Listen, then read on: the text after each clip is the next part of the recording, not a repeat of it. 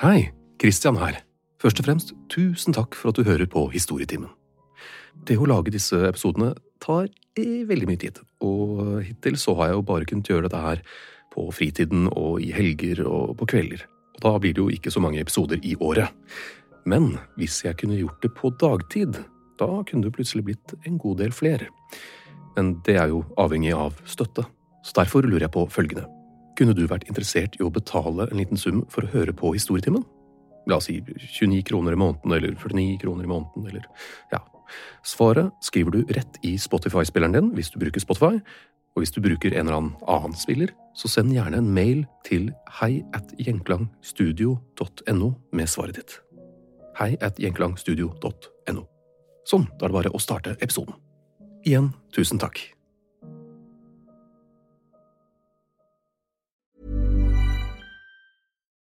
Millions of people have lost weight with personalized plans from Noom, like Evan, who can't stand salads and still lost 50 pounds. Salads, generally, for most people, are the easy button, right? For me, that wasn't an option. I never really was a salad guy. That's just not who I am. But Noom worked for me. Get your personalized plan today at Noom.com. Real Noom user compensated to provide their story. In four weeks, the typical Noom user can expect to lose one to two pounds per week. Individual results may vary.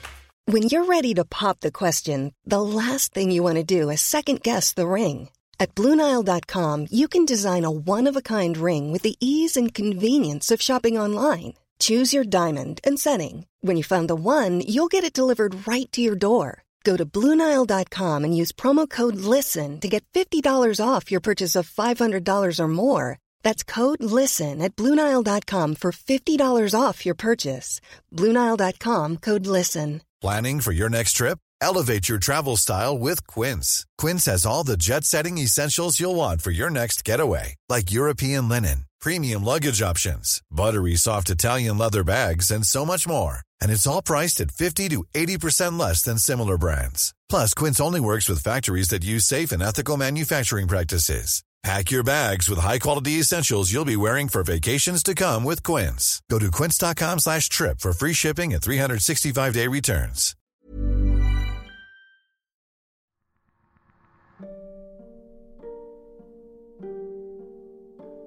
I 1904 fikk Chicago tildelt det tredje OL-et i verdenshistorien. Samtidig skulle byen St. Louis holde verdensutstillingen. Og St. Louis var ikke fornøyd. De nektet at to så store verdensbegivenheter skulle gå av stabelen samtidig i to amerikanske byer som geografisk ikke er så langt unna hverandre. Så de planla et eget friidrettsstevne, som skulle gå samtidig som Ole, og sa ja, la oss se hvem som får flest tilskuere, da.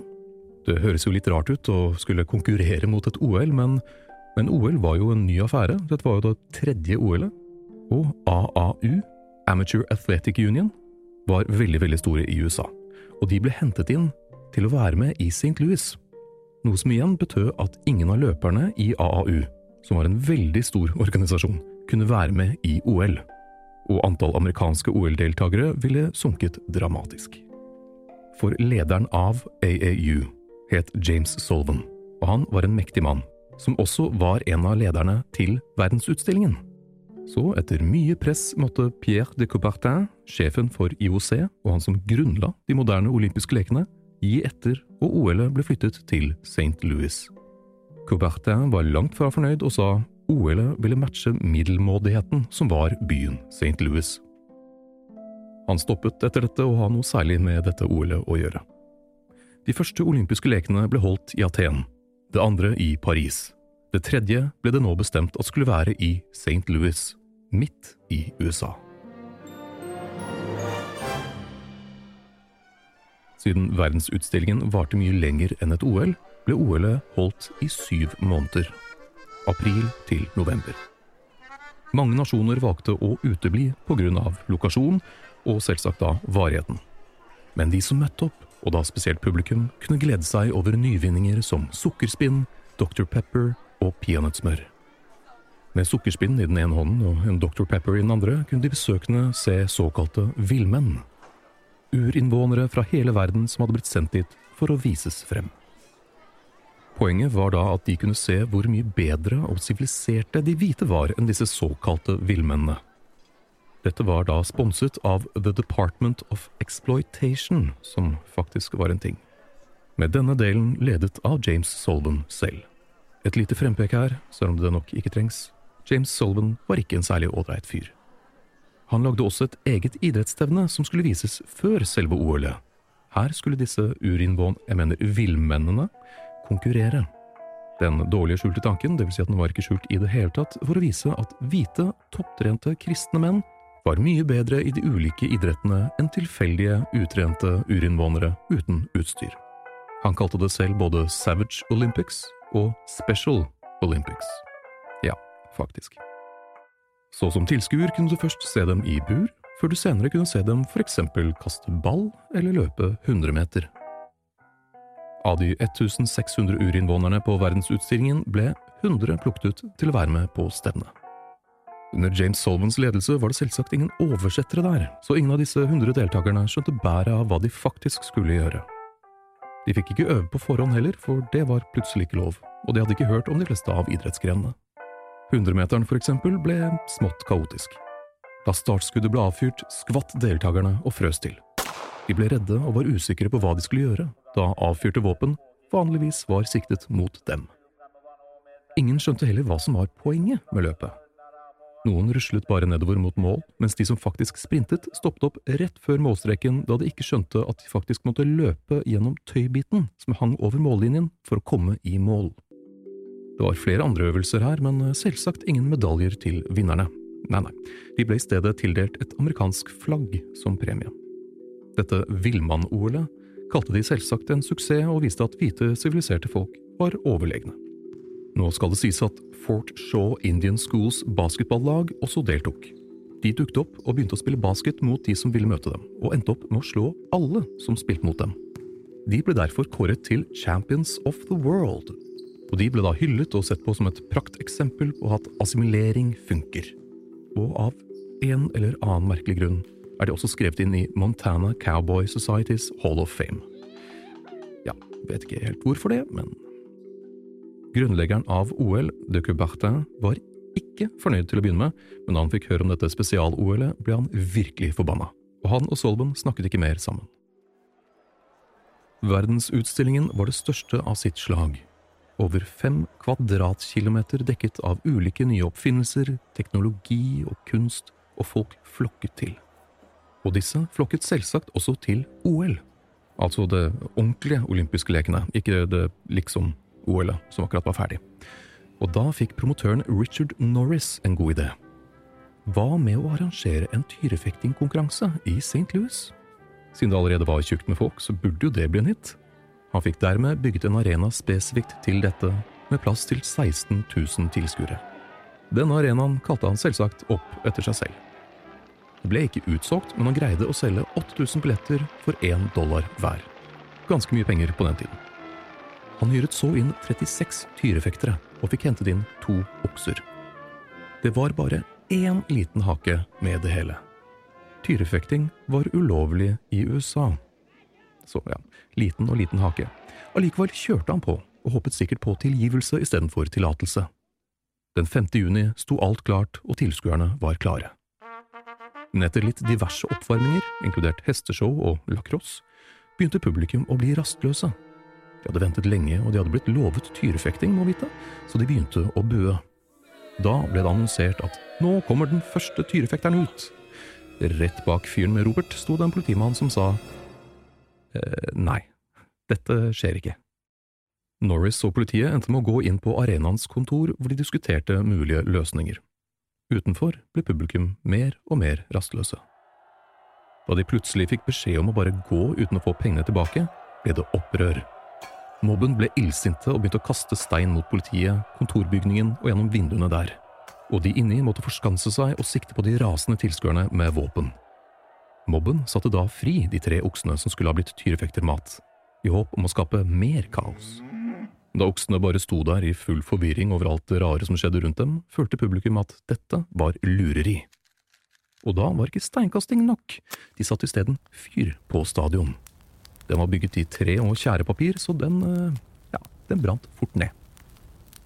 Brannen og slukningsarbeidet førte til at verdensutstillingen måtte settes på pause, men bare for én dag. Og så over til OL-et. Etter åpningsseremonien var stadion fullsatt. Men det de trodde var første OL-gren, var akkurat da Michigans beste ungdomsskoleløpere. Fordi Sullivan hadde brukt ordet OL eh, ganske fritt, og brukte det om all idrett på området. Så det folk trodde var åpningsseremonien, var ikke det. Det var generelt ingen seremoni, fordi de ulike øvelsene var spredt ut over mange måneder. Publikum skjønte, for å si det mildt, ikke bæret av hva som foregikk.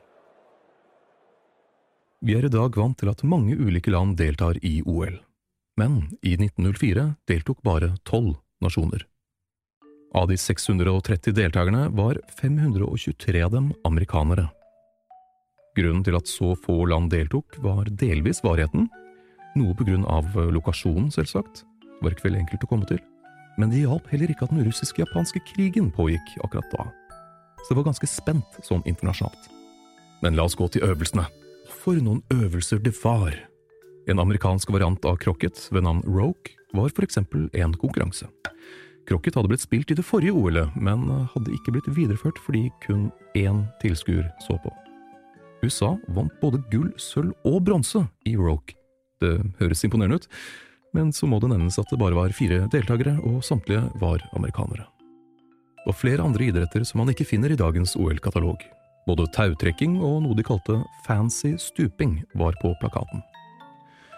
I sistnevnte øvelse var det om å gjøre å fullføre ulike akrobatiske og artige triks før man traff vannet. Dette ble det også skandale av da tyskerne følte at de skulle vunnet og ikke USA. For tyskerne hadde veldig fancy hopp, men samtlige landet på magen. USA hadde derimot enkle hopp, men landet i et stup. Hvem var mest fancy? Juryen stemte for USA, mens tyskerne tilfeldigvis oppfant dødsing. Apropos Tyskland, George Iser var en tysk gymnast og turner og vant seks medaljer på én dag, hvor tre av dem var gull.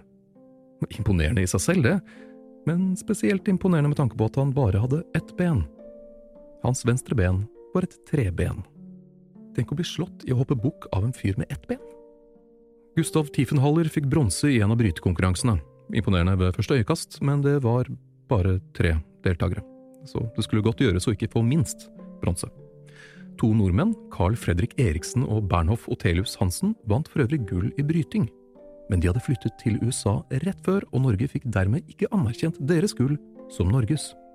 Men de hadde ikke fått innvilget amerikansk statsborgerskap enda, så i 2013 ba Norges OL-komité IOC om å få disse gullene tilbake. Og i 2021 fikk Norge tilkjent deres gull som norske. I boksestevnet deltok en fyr ved navn Carol Burton, som var en kjent bokser i området. Etter første kamp, hvor Burton vant, fant man ut at uh, det var ikke Burton, men en fyr ved navn James Bollinger som hadde stjålet Burtons identitet. Han gjorde dette fordi Burton var populær og håpet på å få sjarmpoeng fra dommerne. Men etter at han vant første kamp, så ble han diskvalifisert. Peter Sturhold, som han slo, kom da automatisk til bronsefinalen. Men her tapte Peter mot en som het Jack Egan. Men ett år etter viste at Jack Egan ikke var Jack Egan. Han het egentlig Frank Floyd, en annen som da hadde brukt et falskt navn. Summa summarum så endte Peter Sturhold opp med å vinne OL-bronse i boksing uten å ha vunnet en eneste kamp. Vannidrettene ble holdt i en lokal innsjø. Det høres ikke feil ut, det, men alle kuene som var med i verdensutstillingen, agrikulturelle nyvinninger var en egen stand på verdensutstillingen, de ble sendt for å gresse ved akkurat den innsjøen, og kuer må som kjent også på do, og det endte i vannet. Så fire av svømmerne døde av tyfus. Men så kommer vi til den store attraksjonen, det store trekkplasteret øvelsen som dro flest tilskuere og som hadde overlegent størst prestisje – maraton. Ikke rart med tanke på den historiske tilknytningen. OL som greie var som sagt ganske nytt, og som du kanskje har fått med deg, så var det en del krøller de ikke helt hadde greid å stryke ut, som for eksempel reglene. Løpet skulle starte 30. august, to måneder etter åpningen.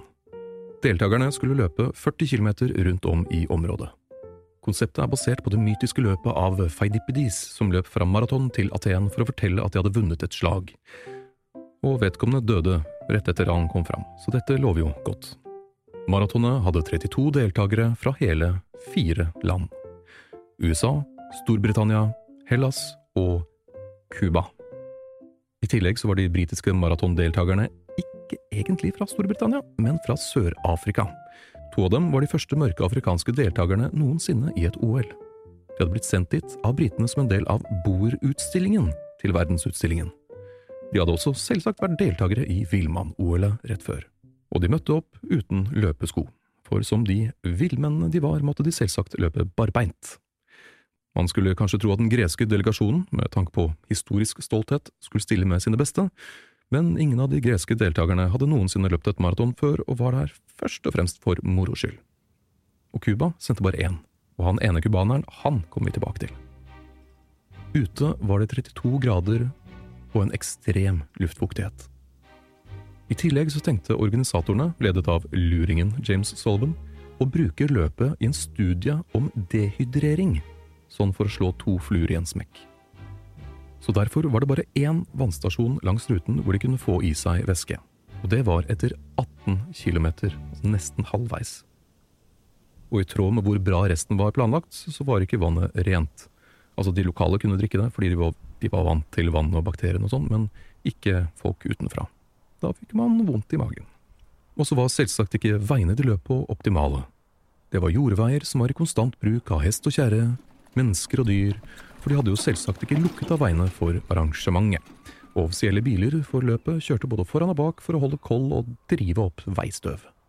De bilene og all den andre trafikken resulterte i konstante og heftige støvskyer som dekket ansiktene og luftveiene til løperne. Så det vi har her, er da folk som løper fire mil gjennom en støvstorm med én drikkepause og med en stekende sol over seg. Hva kan gå galt? Tre minutter over klokken tre går startskuddet, og løpet begynner. Av deltakerne finner vi ulike interessante karakterer. La oss gå gjennom persongalleriet. Første deltaker er William Garcia fra California. Han jogger av gårde og merker tidlig alt veistøvet og hoster og harker i vei. Etter tre kilometer segner han om, midt i veien, og ingen legger merke til ham. Til slutt snubler en tilfeldig forbipasserende over han og hjelper han til et sykehus. Der oppdager man at han har pustet inn såpass mye støv og skitt at han har fått indre blødninger etter at mageslimhinnen annet hadde revnet. Etter å ha ligget på sykehuset og kjempet for livet i flere dager, overlevde han heldigvis, men hvis han hadde blitt funnet bare en time senere, så hadde han dødd. Andre deltakere er den irskfødte amerikaneren John Lorden.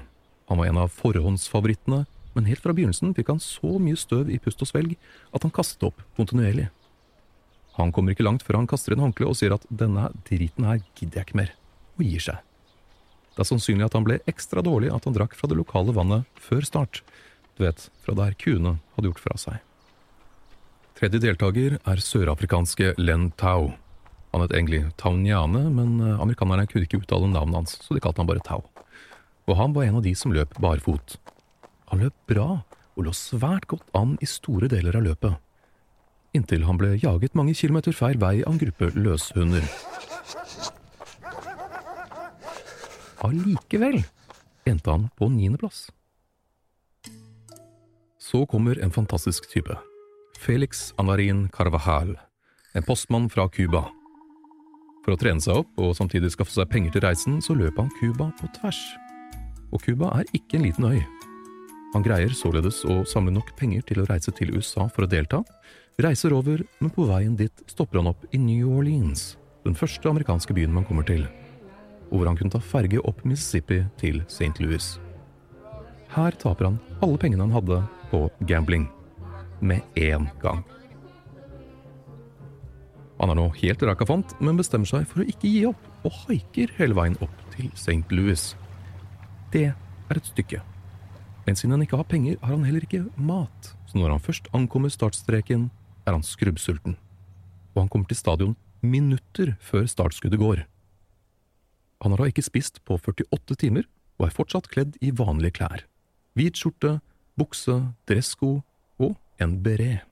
Så for å føle seg litt mer som en av deltakerne, klipper han av buksebena så det blir mer ja, shortsete. Og da startskuddet gikk, lå han utrolig godt an. Inntil sulten ble for ille. Han stopper opp her og der og spør folk om mat.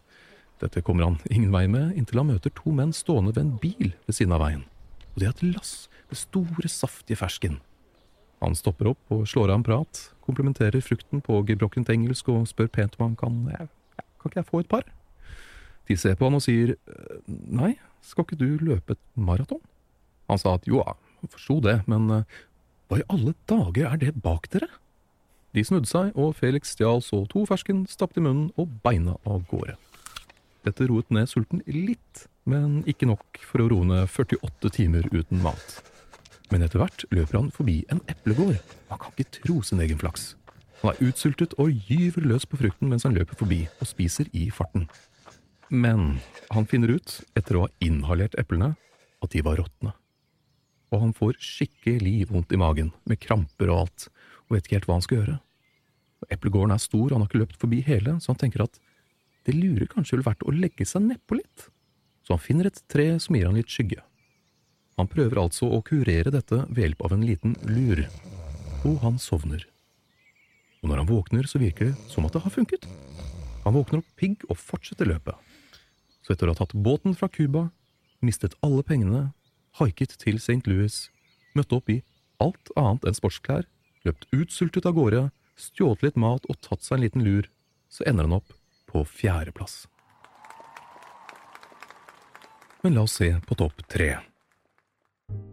I begynnelsen av løpet så det veldig bra ut for en herremann ved navn Fred Laws. Han var en av de store favorittene, en murer av yrke som brukte nettene etter jobb på å trene.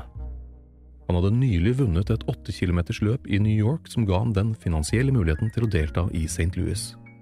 Men etter de første 15 av de 40 kilometerne får han såpass heftig krampe at han må kaste inn håndkleet. En offisiell bil kommer for å ta ham med til stadion, og han kjører av gårde mot endestasjonen. Etter hvert begynner han å føle seg bedre. Så mye bedre, faktisk, at han sier han kunne tenkt seg å fortsette, noe de i bilen bare ler av. Men så bryter bilen sammen.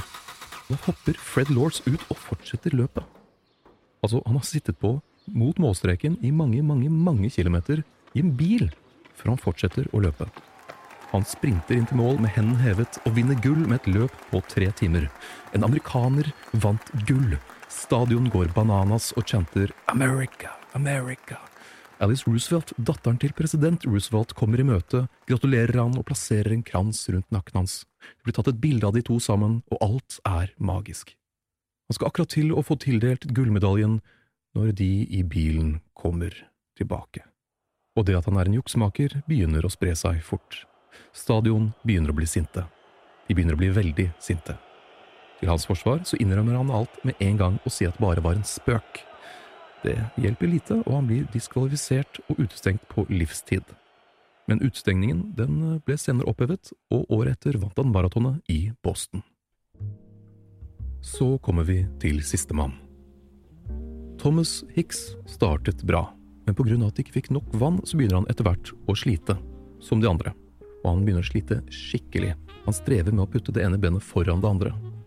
Og da skulle OL bli vitne til den første kjente dopingen i et OL noensinne. Treneren hans gir han nemlig rottegift, mer presist stryknin. Ikke noe som de fleste av oss tenker at er en god idé å konsumere. Hvis du får i deg for mye av dette her, så dør du rimelig greit og, og smertefullt. Men ved små doser kan det fungere som et stimulant. Dette skylte han ned med eggehvite. Og dette hjelper overraskende godt, og han løper videre som en Duracell-kanin rusa på råttgift. Og han er i ledelsen. Men etter en stund avtar effekten, og han er tilbake i samme slag som han var. Subbende, utslitt og tørst langs veien med hodet senket. Da kommer teamet til unnsetning igjen og gir han en enda større dose råttgift og eggehvite. Denne gangen tyller han også ned en solid dose brandy som en chaser, for Sprit var visst lov, var ikke vann. Han løper videre i superfart, men begynner å bli grå i ansiktet og halter bortover. Så får treneren hans en god idé. Hva om de gir han et uh, lite bad? De dynker han rett og slett i vann og passer på at han har munnen lukket. Hvordan og hvorfor er det ingen som skjønner, men det funker. Av en eller annen grunn så fortsetter han løpet. Men med to kilometer igjen til mållinjen begynner derimot ting å skje med stakkars Hicks, som er proppfull av råttgift, eggehviter og brandy. Som en offisiell observatør senere skrev, I løpet av de siste kilometerne løp Hicks som et veloljet maskineri. Hans øyne var livløse, huden hans hadde blitt mørkegrå, armene hans så ut som de var holdt nede av vekter, han kunne nesten ikke løfte beina, samtidig som at knærne hans var helt stive. Og ikke nok med det, så begynner han å hallusinere, og han tror blant annet at han fortsatt har 30 km igjen, og ikke to. Han begynner å trygle om mat og vann, og ønsket nå bare å legge seg ned. Men støtteapparatet hans visste at Fred Lors, han med bilen, at han hadde blitt diskvalifisert, og at Hicks lå an til å vinne, og at hvis han stoppet nå, så ville han ikke kunne fullføre. Løsningen deres? Ja, de ga han mer brandy, de. Sakte, men sikkert greier han å snuble seg bortover. Han subber opp den siste bakken og jogger ned på andre siden. Rett før målstreken kollapser han, og støtteapparatet løper han i møte for å holde ham oppe. De bærer han så over målstreken mens bena hans fortsetter å løpe i luften. Litt som man løfter opp en liten hund og holder den over vann. Og han løp inn på tiden 3 timer, 28 minutter og 53 sekunder. Det er den lengste tiden for et vinnende maraton til dags dato. Før han skulle få medalje, så skjønte man at han holdt på å dø, og han fikk akutt legehjelp. Endelig et smart valg, kan man kanskje si, og her fant han ut at han i løpet av ja, løpet hadde gått ned over fire kilo. Han løp aldri et maraton igjen. Av løpets 32 deltakere var det 18 som ikke fullførte, men OL-et og verdensutstillingen ble sett på som en suksess, da 19 millioner mennesker kom for å se, dog over en syv måneders periode. Og Thomas Six, som brukte prestasjonsfremmende midler, om man kan kalle råttgift brandy det, og fysisk ble båret over målstreken, står fortsatt som vinneren av maratonet i 1904. Tidenes overlegent mest rotete OL.